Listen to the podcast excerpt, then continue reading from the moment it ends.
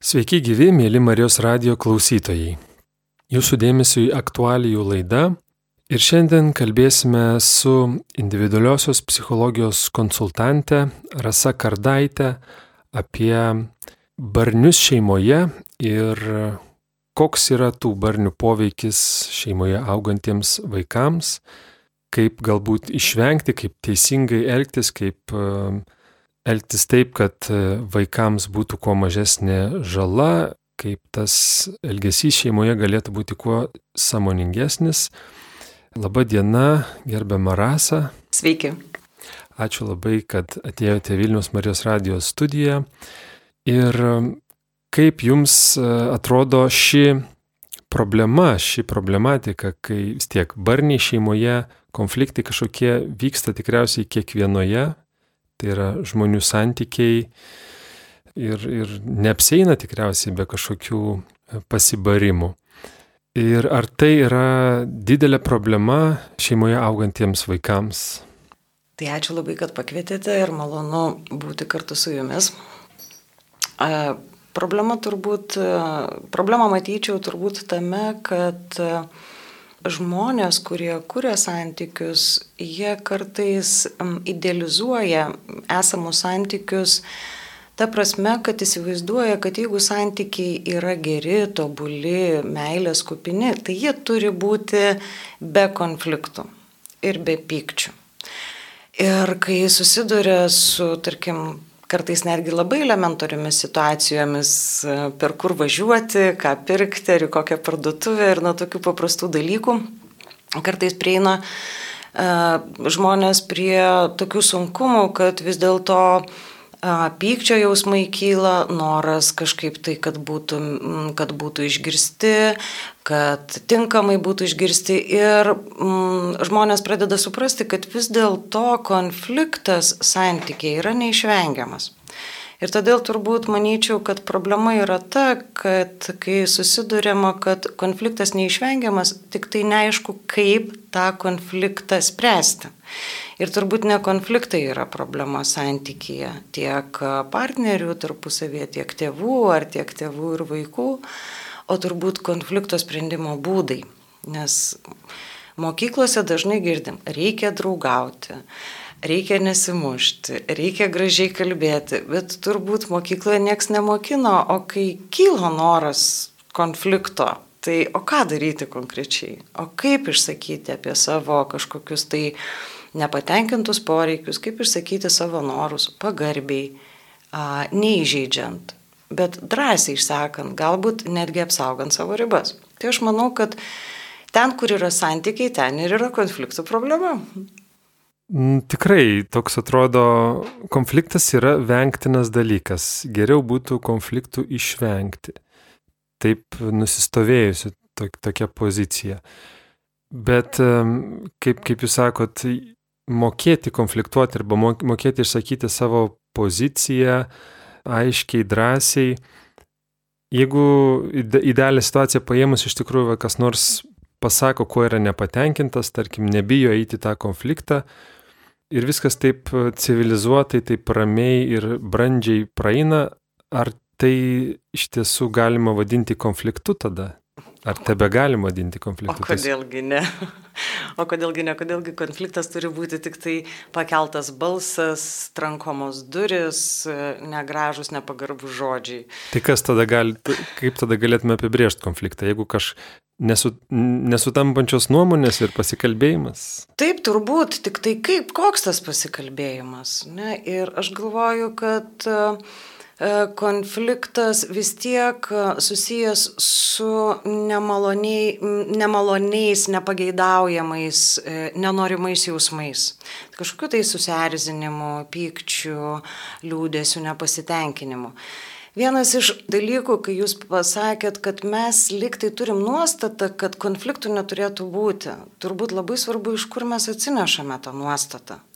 Ar iš mūsų ankstesnių santykių, iš mūsų tėvų santykių ar iš mokyklos, kaip mes iš vis turim savivoką, kad konflikto neturi būti. Ir kodėl tik tai gyvenimas turi būti toks gražus, rožinis ir visą laiką labai mielas. Kitas dalykas, kame dar gali būti konflikto sunkumas, tarkime, jeigu žmogus santykėje patiria kažkokį tai, nu, tarkim, nemalonų jausmą, ne, buvo neišgirstas ar buvo neatsižvelgta jo nuomonė, Ir jis bando pasakyti, kad, na, pažiūrėk, a, man atrodo, kad aš sakiau, bet nebuvau išgirstas, ar aš norėjau taip ir taip, bet buvo nepadaryta. Kitas žmogus taip pat pajaučia nemalonius jausmus, nes galbūt jis jaučiasi nuvylęs savo partnerį. Galbūt jis iš tikrųjų kažką tai darė tuo metu ir nelabai girdėjo. Galbūt jisai nepasidalino savo matymu ir savo nuomonę, kaip jisai mato, tarkim, kažkokį tai problemos sprendimą. Na ir šitoj vietoj vis tiek konflikte dalyvauja mažiausiai du žmonės. Ir tų dviejų žmonių sąveika ir gali sukelti tokias, na, įtampas, nes, e, tarkim, vienas žmogus atsineša savo patirtį, kitas žmogus atsineša savo patirtį. Jau susikerta dvi patirtis, kur turi būti kažkaip tai vis tiek iš, išspręsta ta problema. Ir nežinau, ar mm, konfliktu mes, ta prasme, nelaikome, jeigu mes e, stengiamės išlaikyti tą, kaip jau minėjau, pagarbų toną, gerbti kito nuomonę. Aš jeigu išsakydama apie savo kažkokius tai nepasitenkinimus, ašgi suprantu, kad kitas žmogus reaguoja ir aš galiu jį nuvilti. Ir kodėl būtinai mes įsivaizduojam, kad konfliktas turi būti nu, kažkoks tai draskantis, išdraskantis. Ne, konflikte, konflikte mes taip pat kuo daugiau pagarbiai atsižvelgsime vienas į kitą, tuo, manau, bus e, konstruktyvesnis tas konflikto sprendimas. Galbūt aš daugiau apie tai kalbėčiau. Kitas dar momentas yra, e, manau, labai svarbu, kalbant apie konfliktus, suprasti, kasgi konkrečiai su manim vyksta konflikto metu. Kaip aš e, e, priemu savo jausmus kokį santykį aš turiu su savo e, jausmais, kaip aš juos moku išreikšti, parodyti, kaip aš apie juos iš vis galiu kalbėti. Bet būna tikriausiai ir konfliktų, kurie, na, galbūt užprogramuoti kaip neišsprendžiami, tarkim, tarkim visą tai, ką jūs pasakėte, tos pastangos brandžios eiti į konfliktą ir reaguoti jame ir galiausiai ne, jis kažkaip neišsisprendžia ir, ir ryškėja ir galbūt raiška to konflikto aštrėja. Tai mes jau gal kažkaip kalbėtume apie kitokį konfliktą, nes jų būna ir sproginėjančių. Tai ar tiesiog jie sproginėja dėl to, kad e, nuo pat pradžio blogai ir netinkamai elgtasi, ar tiesiog yra kitoks konfliktas, kur nėra, nėra sprendimo kažkokio. Aš tai daugiau galvočiau, kad kit, kitoks konfliktas net sunku įsivaizduoti, bandau kažkokį pavyzdį susugalvoti ir niekas neteina į, į, į galvą. Nu, bet... Kai, kaip pavyzdžiui, pora, šeima konfliktuoja ir viskas galiausiai baigėsi, tarkim, skirybomis, tai rodo, kad tiesiog neišsisprendė konfliktai, nes jeigu būtų išsisprendę, būtų likę kartu tikriausiai. Ne visadagi iš tikrųjų, nu, įvairių situacijų yra, bet mes turbūt turim tokį kaip čia pasakyti, vidinį įsitikinimą, vidinę nuostatą, kad ar tikrai buvo viskas padaryta ir ar tikrai buvo visos pastangos įdėtos konfliktų sprendimo būduose, kad išlaikyti santyki. Bet kaip jūs kalbate apie kitokį konfliktą ar neįsprendžiamą konfliktą, galvočiau apie tai, kad, tarkim, kaip ir pačioje pradžioje Sakiau, kad konfliktai gali būti dėl labai elementarių dalykų, ne? nuo to, ką valgysim pusryčiai arba į kokią parduotuvę važiuosim, o galbūt a, ką, ten, kokius drabužėlius vaikui pirksim. Ir dažnai tie smulkus, tokie liktai dalykai, jie dažnai yra neišsakomi. Kai žmonės sako, kad, nu kam apie tai kalbėti, nugi čia nieko tokio. Ir vis dėlto aš galvoju, mes žmonės vis tiek tam tikrą prasme turim nu, ribas. Ir vis dėlto tie tokie smulkus konfliktai, tiesiog smulk, smulkios kažkokios konfliktinės situacijos, kylantis jausmai, jiegi kažkur tai lieka, jie kažkur pasideda. Gerai, jeigu žmogus gali įsisamoninti, kad va, man dabar kilo jausmai, aš turiu čia galbūt kažkaip tai save suprasti ar kažkokias tai metodikas panaudoti, bet dažniausiai tai yra kaupiam, kaupiama, tai kaupiasi. Ir dažnai sutinkama situacijose tokias situacijas, kad žmonės sako, buvo labai gražiai darniai gyvenome, buvo tikrai buvome labai draugiški, santūrūs, pagarbus ir staiga ten, tarkim, sudaužytas podelis arba neišplauti indai arba, tarkim, pamesti raktai ir dar kažkokia tai didesnė įtampos reikalaujanti situacija ir stresinė kažkokia tai situacija sukelia griūti santykių. Tai tikrai būtų labai keista, kad taip iš niekur nieko paėmėm ir išgyvenam konfliktą, kur tarkim netgi įmam kritinę atveju, neskirybas ar ten poros labai kažkaip tai konfliktiškai pradeda spręsti, tai vis dėlto aš galvočiau, o kasgi privedė iki to stipraus tokio konflikto. Ar tikrai tas, e, tarkim, sudaužytas puodelis tikrai vertas tokio stipraus konflikto. Vadinasi, kažkas tai yra likę iš anksčiau, kažkas yra neišsakyta, neiškalbėta, kažkas yra pritvinkę žmoguje, kur elementarus dalykas nu, išauna ir tada sako, bet ten partneris labai netinkamai pradėjo elgtis, jis labai pradėjo šaukti, man tai buvo netikėta. Ne, bet panašu, kad tas partneris tiesiog priejo nu, tokią kaip ir savo ribą ir jis nebegali išbūti, nes galbūt yra negirdimas arba kažkaip tai jį netaip yra reaguojama. Tai čia aš galvočiau apie tos kitokius konfliktus. Įdomu narplioti, kaip kyla konfliktai ir kaip juose elgtis. Tačiau laidos pradžioje paminėjau e, ir vaikus, kaip vaikai reaguoja į šeimoje kylančius konfliktus, tėvų, tarkim, konfliktus, tai jeigu konfliktas sprendžiamas ir, ir kyla ir baigėsi samoningai ir brandžiai, kaip jūs ir minėjote tos būdus, tai gal tuomet konfliktai ir nėra kenksmingi vaikams, nereikėtų jų Nereikėtų Dėl vaikų ne... vengti. Aš manau, kad konfliktų nereikėtų vengti. Reikėtų vengti netinkamų konflikto sprendimo būdų. Ir aš turbūt jau, jau kartojos ir dar pasikartosiu ne vieną kartą turbūt. Nes ne konfliktai yra problema vaikui, o kaip tėvai tuos konfliktus sprendžia arba jų nesprendžia. Ir turbūt pirmas klausimas būtų, kokį poveikį daro, ar kaip vaikai reaguoja į tėvų konfliktus, tai pirmiausia būtų įdomu suprasti, kaipgi patys tėvai reaguoja tą patį konfliktą, ką jiems tai reiškia, kaip jie tai supranta, kokį pavyzdį jie matė, tarkim, iš savo tėvų, kokioje šeimoje, iš kokių šeimų jie atėjo yra, kaip vienoje šeimoje buvo sprendžiami konfliktai, kaip kitoje šeimoje. Ir dažniausiai kas būna, kad tėvai neišsako iki galo, kas vyksta tėvai mm, turbūt pasirenka kelis variantus. Vienas iš variantų ir gan yra, jisai dažnas sako, vaikai negirdi konfliktų, mes nekonfliktuojam prie vaikų. Mhm. Bet e, kažkodėl tai mokykloje reaguojama į pasikeitusi vaiko elgesį. Staiga vaikas pradėjo prašiau mokytis, dėmesys sutriko. Ir mokykla, žinoma, klausė tėvų, ar šeimoje viskas yra tvarkoje. Ir tevam kartais atrodo, kad jeigu jie konfliktų nerodo savo vaikam, tai yra tinkamas būdas. Betgi vaikai jaučia, jaučia įtampą, kuri yra. Jaučia tai, kad tėvai lik kažką tai slepia. Jaučia tai, kad tėvai galbūt po konfliktų vienas eina į vieną kambarį, kitas eina į kitą kambarį. Ir vaikas visiškai nesupranta, kas vyksta, kame jisai yra. Ir dažnai dėl savo egocentrizmo vaikai galvoja, kad dėl jų tie konfliktai vyksta ir jie prisiema atsakomybę už tėvų konfliktus.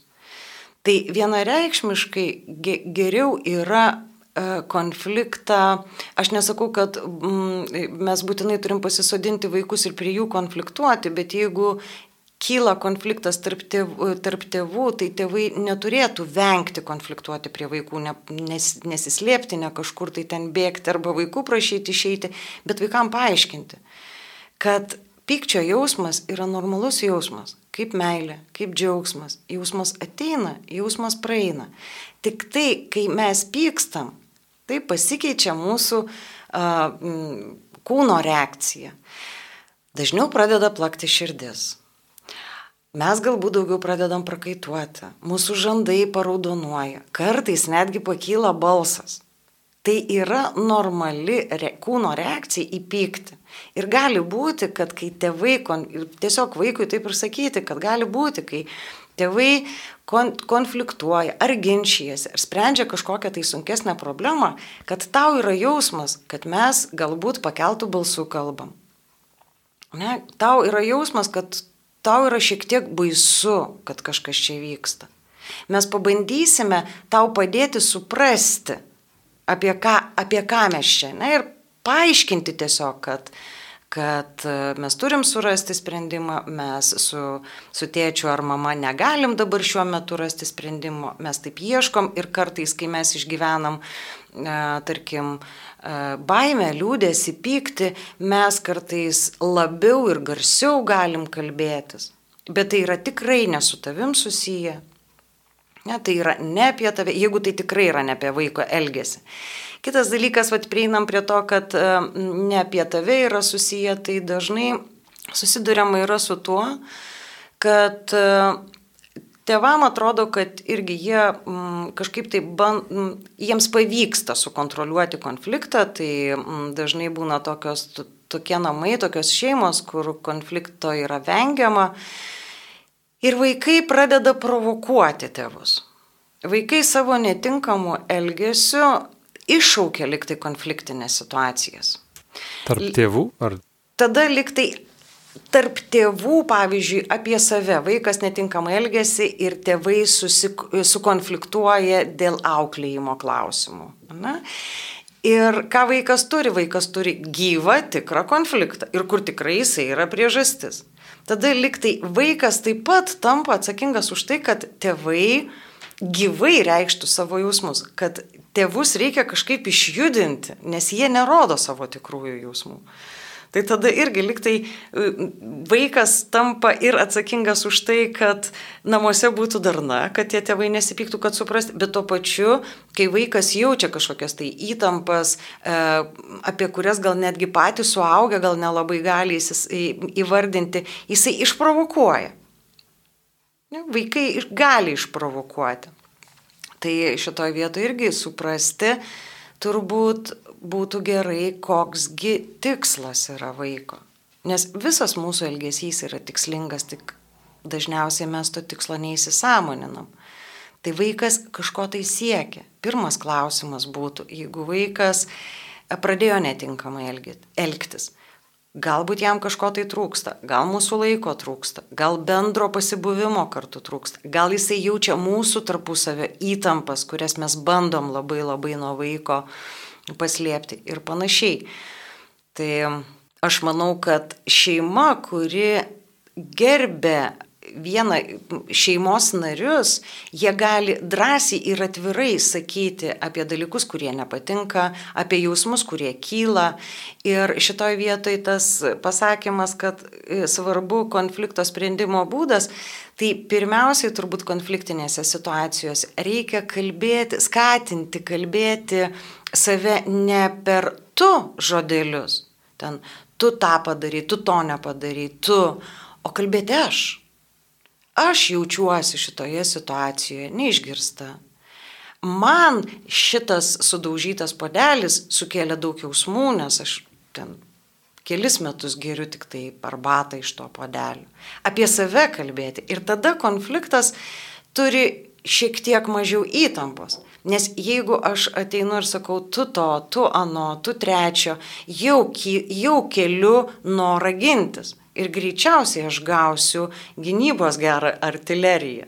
Ir tada aš turėsiu gintis. Ir prasideda toks ping-pongo žaidimas. Prasideda kamuoliuko mėtymas. Kas, pas ką kamuoliukas, kur mes ir ta įtampa auga. Ir šitoje vietoje galvoju, kad apie konfliktus dar kalbant, irgi norėtųsi atkreipti dėmesį, kad konflikto pradžioje visada yra lengviau sustabdyti konfliktą. Skatinti į pokalbį, kad mes ne, nekariaujam, mes nekovojam, o bandom išsiaiškinti, kas kaip jaučiasi, kaip galim rasti sprendimus šitoje situacijoje. Bet kai konfliktas yra įsisubavęs, tarsi tas kamuliukas yra mėtomas, aš kažką, aš kažką pasakiau, tu to nepadarai, man kažką tai atsakė, kad aš irgi kažko nepadariau, man sukilo jausmas, ak tu taip, aš tau taip, ne? Ir kai tas kamuliukas įsimėtomas yra, yra daug sunkiau sustabdyti. Nes yra daug, jau daug jausmų, daug emocijų. Ir sustoti, kai mes esam labai įsijautrinę, labai uh, galbūt netgi ir įsiskaudinę ir išgyvenam daug jausmų, tai yra be galo sunku. Ir dar vienas turbūt momentas yra, kad vaikam konfliktus kontroliuoti yra sunkiau negu tėvam. Tėvai yra suaugę. Tėvai turėtų nepamesti atidaus žvilgsnio, kas čia vyksta tarp mūsų ir kaip aš galėčiau kaip suaugęs padėti vaikui racionaliai spręsti konfliktinę situaciją. Kaip galėčiau padėti vaikui suprasti, kad nebūtinai reikia nepagarbiai kalbėti, kad gautum dėmesį, kad gautum bendrą laiką kartu. Skatinti vaikus taip pat kalbėti apie juose kylančius jausmus. Ir galvoju, kai vaikai mm, savo netinkamų elgesių skatina tėvus konfliktuoti, į konfliktą įtraukia liktai. Tai irgi aš galvoju, jeigu vaikas išgyvena a, tos tokius sunkiai atlaikomus jausmus, ne, baimę, liūdėsi, pyktį, nepasitenkinimą, beviltiškumo jausmą, o namuose viskas yra gerai, kaip dažnai žmonės sako, ne, tai tada vaikas nesupranta, jeigu aš išgyvenu tokius jausmus, o suaugę tokių jausmų nerodo, tai kažkas su manim yra negerai. Aš čia vienintelis jaučiuosi piktas, tarkim. Nei mama, nei tėtis nepikti, aš piktas, vadinasi, aš blogas. Vadinasi, aš turiu tikrai gauti įrodymą iš savo tėvų, kad aš esu blogas. Aš turiu sukelti konfliktą, kad mane nubaustų, kad man kažką timtų, kad manęs kažkur nesivestų, tai aš gausiu patvirtinimą. Kad taip, aš blogas, nes aš išgyvenu jausmus, kurių mano tėvai ne, neleidžia rodyti, nerodo arba kažkaip tai saugo mane nuo tų jausmų. Mėly klausytojai, primenu, kad laidoje su individualiosios psichologijos konsultante Rasa Kardaitė kalbame apie konfliktus kylančius šeimoje ir jų poveikį vaikams. Svarbus konflikto sprendimo būdas jau paminėta laidoje, bet konfliktas gali neišsispręsti iš karto, tarkim, jis gali aprimti, jo raišką aprimti, bet tarkim, neprimtas sprendimas, ar, ar gerai yra tiesiog kartais tai būna, kad pakonfliktuoja ir, na, susitaikykim, liktai niekas neišsisprendžia, lieka kažkoks tai neteisybės jausmas vienai ir kitai pusiai, dėl ko kilo konfliktas, dėl kažkokio įžeidimo ar neteisingo elgesio bet dėl paties konflikto, dėl paties tos sproginėjančios konflikto raiškos, tiesiog susitaikykim, lyg niekur nieko nebūtų buvę. Ar nieko tokio, jeigu konfliktą užtesiam, ta prasme, jisai kilo, neišsisprendė, mes liekam konflikte, dabar kažkur išsiskirstom ir vėliau galbūt aiškinsimės, bet vėliau, kai jau nebepikta, gal jau ir nebelaikas aiškintis, tada lieka ta situacija neišspręsta. Ir va čia turbūt rizika yra, kas lieka ir kur lieka ir pas ką lieka. Ir turbūt geriau būtų, kad nieko neliktų. Juk, tarkim, kai mes nu, tvarkome namus, taigi norisi, kad visur būtų sutvarkyta, vat, Paėmėm visą šeimą suėjom, na, dulkės grindis plaunam ir nesinori vis grįžti prie to pačio ir grįžti. Ne, jau norisi kažkokius kitus dalykus veikti. Tai čia turbūt panašiai. Tačiau konflikto metu tikrai gali būti, kad labai mm, sukyla daug jausmų.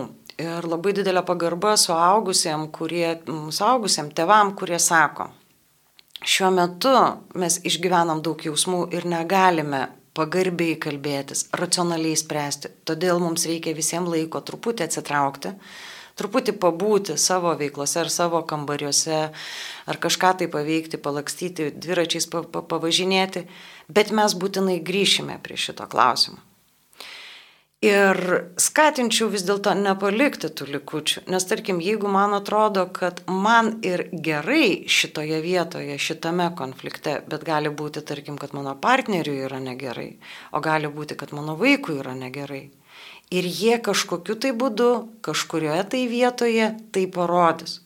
Ir gerai, jeigu jie parodys, tarkim, man prie stalo, saugioj vietoje, kur mes galėsim irgi toliau, tarkim, kalbėtis jau E, apie įvykusi kitą konfliktą. Tačiau su vaikais rizika yra kokia? Kad jie gali parodyti savo kažkokį tai neįspręstą konfliktą namuose, mokykloje, su savo draugais, kur nebus tėvų, kurie galės apsaugoti, kur nebus e, tinkamo galbūt, tinkamo suaugusio reakcijos, e, nes suaugėgi nežino, kas vyksta vaikų gyvenime, nu, vis, nu, to neįmanomagi visko žinoti.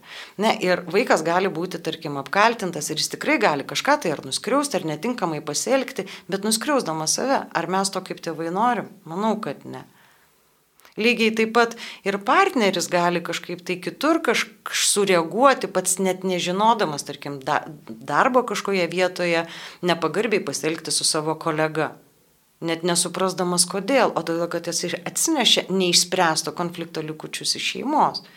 Tai aš labiau būt, būčiau linkusi galbūt tyrinėti tokį modelį, kad jeigu matome, kad esame konflikte, bet dėl kažkokių tai uh, ar suprantamų, ar nelabai suprantamų situacijų, jisai nesisprendžia, jisai įsisukęs į kažkokius jausmus, tai tikrai tada reikia laiko skirti savo, kad truputį nurimtumėm, truputį daugiau oro gautumėm ir kviestis galbūt jaukesnėje, jaukesnėje atmosferoje, gal kokį piragą mama gali iškepti ir susikviesti visus šeimos narius, bet nepalikti likučių nes nelabai aišku, kaip tie likučiai, kokiam nuosėdom nusės ir nukris.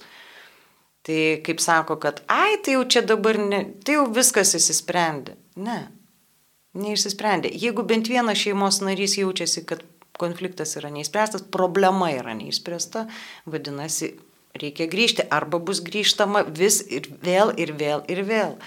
Ar tikrai to reikia?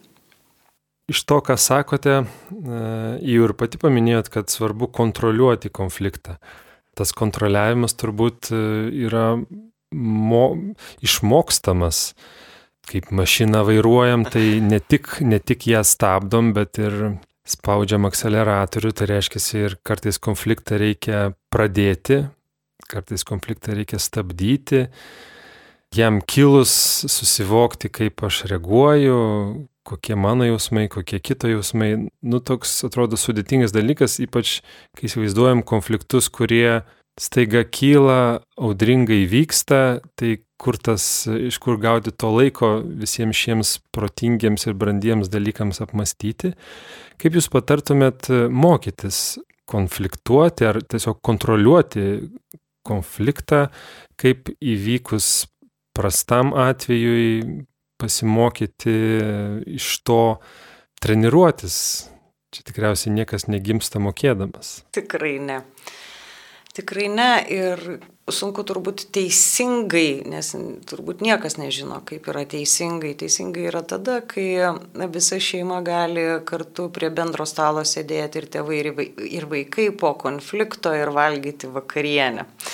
Tai turbūt čia yra teisingas konflikto sprendimo būdas. Bet turbūt pats pirmiausias dalykas, kuris man uh, šauna į galvą, tai visų pirma, tai nepamiršti kvepuoti. Nes konflikto metu tikrai kyla daug jausmų. Jeigu mes galim kontroliuoti savo mintis, tai jausmai yra toks keistas, keisti, keisti dalykai, juos yra sunku kontroliuoti. Ir jie kartais uh, gali mm, sukelti tam, mūsų veik, tam tikrus mūsų elgesio modelius, kur mes nu, net, nelabai galim suprasti, kodėl.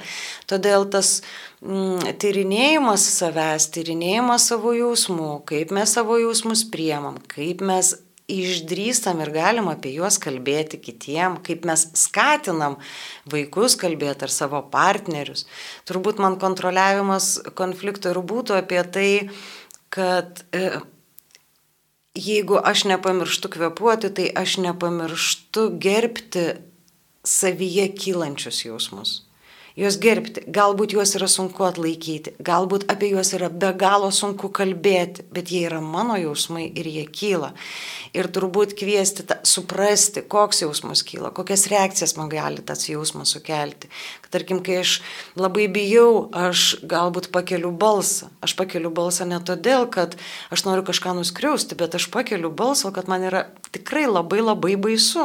Ir kad tai suprasti, aš turiu įsileisti į pažintinę kelionę su savo jausmais. Taip tada, kai suaugę, kai tėvai labiau supranta savo jausmus, kai legalizuoja jausti tuos visus jausmus, tada yra lengviau ir vaikui padėti išbūti su tais jausmais. Tai man kontroliavimas yra apie jausmų pažinimą. Jeigu nepamirštam kvepuoti, nepamirštam ir gerbti savo jausmų. Kitas dalykas - pagarbą išlaikyti. Kaip be būtų sunku konfliktinėje situacijoje gerbti save, bet gerbti ir kitą. Galbūt uh, vaikas yra iš tikrųjų teisus toje situacijoje, jo elgesys galbūt buvo netinkamas, bet gerbti jo nuomonę, gerbti jo jausmą, gerbti jo norą ir galimybę pasisakyti. Pagarba yra be galo svarbu ir pagarbą išlaikyti konfliktinėje situacijoje yra labai labai nelengva. Todėl, kad kyla ir kaltė, ir gėda gali kilti, ir piktis dažniausiai lydi, kur tikrai pykčio jausmas yra energingas jausmas, norisi veikti kažką tai ir ten balsą kelti, ar galbūt kažkaip tai ten garsiau per stalą trinktelt, gal ir durim trinktelt. Tai dėl to, kad pyktis reikalauja nu, kažkokios tai išveikos. Bet pagarba, gerbkime vieni kitus. Pagarbiai tą darykime, išlaikykim lygiavertišką santyki. Kad mes visi esam lygus, taip, mes esam, tėvai yra vyresni, tėvai yra daugiau patirties turi, bet santykėje mes esam lygiavertiški. Tai daugiau, at man kontrolė konflikto yra apie pagarbų santyki, apie įkvėpti, iškvėpti, kur kartais tikrai labai padeda, kai įkvėpi ir iškvėpi, atrodo ir tų žodžių atsiranda, ir pagarba jausmam. Dar anksčiau nuskambėjęs patarimas žodžiuose, e, sakiniuose, nu, kalbėti apie save. Taip. Ką, ką jaučiu, ne, ne, o ne ką kitas padarė. Taip.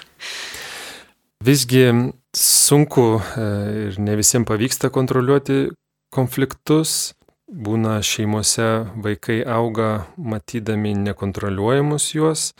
Kaip atpažinti, čia gal jau ūkdymo įstaigose, o gal ir šiaip vaiko artimesnėje aplinkoje, tai artimesnėje aplinkai, kaip atpažinti vaiką, kad jisai auga konfliktiškoje šeimoje, aplinkoje. Pirmiausia, tai apie ką norisi, norisi pasakyti, jeigu, tarkim, artimieji turi glaudesnį santykių su vaiku ir vaikas pasakoja kažkokias tai istorijas, nebūtinai atkartojančias kažkokias tai įtampas, vaikai gali būti, kad saugo savo šeimos, šeimos erdvę ir dažnai vaikai nesidalina realiomis situacijomis.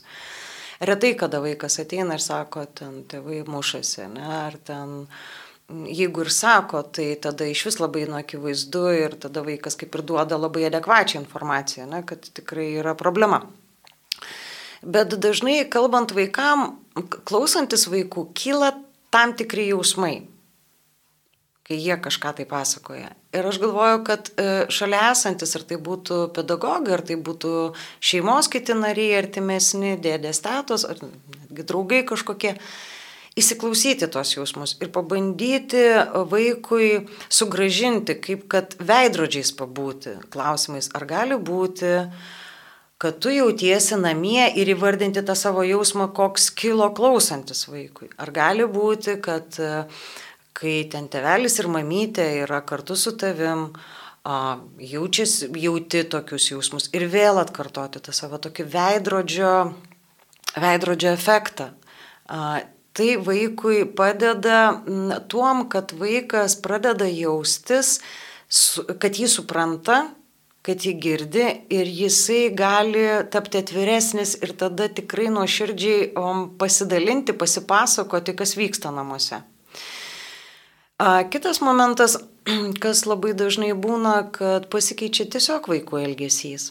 Vaikai gali tapti labiau uždaresni, Lygiai taip pat vaikai gali tapti labiau nepatogus. Tai yra, jų elgesys gali kiek pasidaryti, ta prasme, jie gali mažiau pradėti ten lakstyti, jie daugiau gali sėdėti, atsirink, pasirinkti atskirti tokį. Lygiai taip pat vaikai gali pradėti naudoti daugiau netinkamo elgesio. Ten, tarkim, kažkaip tai blogai elgtis kabinėtis prie kitų, ne, ten trukdyti pamokai, tarkim, arba svečiuose būnant tiesiog uh, um, kažką ar ten specialiai imti, ko neleidžia, arba ten daiktus kažkokius liesti. Nu, tiesiog elgesys, elgesys pasikeičia ir dažnai sako, vai, bet anksčiau jis to nedarė. Ne? Tai vad atkreipti dėmesį, kad jis kažkaip tai pradėjo, nu, keis, jo elgesys pradėjo keistis. Tai manau, kad tai yra toks irgi signalas. Ir vaikai nebūtinai užsidaro į save, dažnai labai vaikai pradeda netinkamai elgtis, sužinote, kad jam kažkas tai yra, kad jam kaž, kažkas, kažkas tai vyksta. O pasakyti to negalime, suaugę ne visada galim pasakyti, ar konflikto ar nekonflikto metu, kas su mumis vyksta. O vaikui dar sunkiau, tai vaikas dažniausiai elgesiu tai išreiškia. Ir vat, pasikeitęs elgesys ir kylantis jausmai su vaiku būnant lygiai taip, nu, būtų toksai kaip ir signalas apie tai, kad kažką vaikas nori pasakyti. Nežinau, ar ne per platus klausimas laidai jau visai baigiantis, bet vat, atpažinus, kad vaikas e, konfliktiškoje aplinkoje gyvena, ką tada daryti?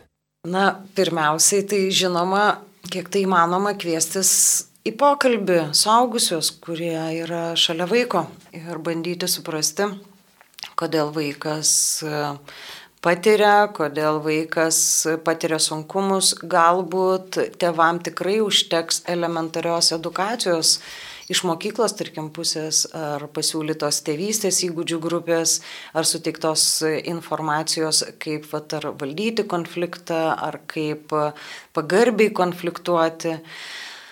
Tačiau jeigu yra smurtinė situacija, tai žinoma reikia kreiptis į įstaigas, kurios tikrai gali padėti ir gali suteikti pagalbą vaikam.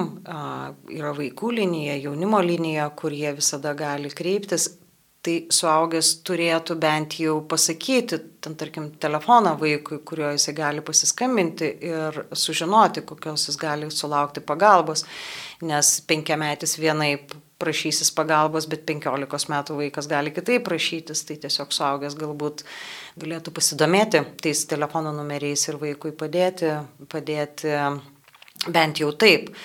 Tačiau vis tiek vaikai yra vaikai ir yra tam vaikai, kad jais turi rūpinti suaugę. Tai pirmiausiai reaguoti į šeimą, reaguoti į partnerius, siūlyti jiems galbūt ar porų terapiją, ar tėvystės įgūdžių grupę, tiesiog jiems padėti suprasti, kad kažkas tarp jų vyksta, kažkas su jais vyksta, kad, kad vaikas išgyvena tai. Ir tą, tą daryti turbūt irgi nebijant konflikto. Tai kontroliuo, kontroliuojamo konflikto. Ačiū Jums labai, e, gerbiama Rasa, mėly klausytojai, su individualiosios psichologijos konsultante Rasa Kardaitė. Laidoje kalbėjome apie konfliktus kylančius šeimoje ir apie jų poveikį vaikams.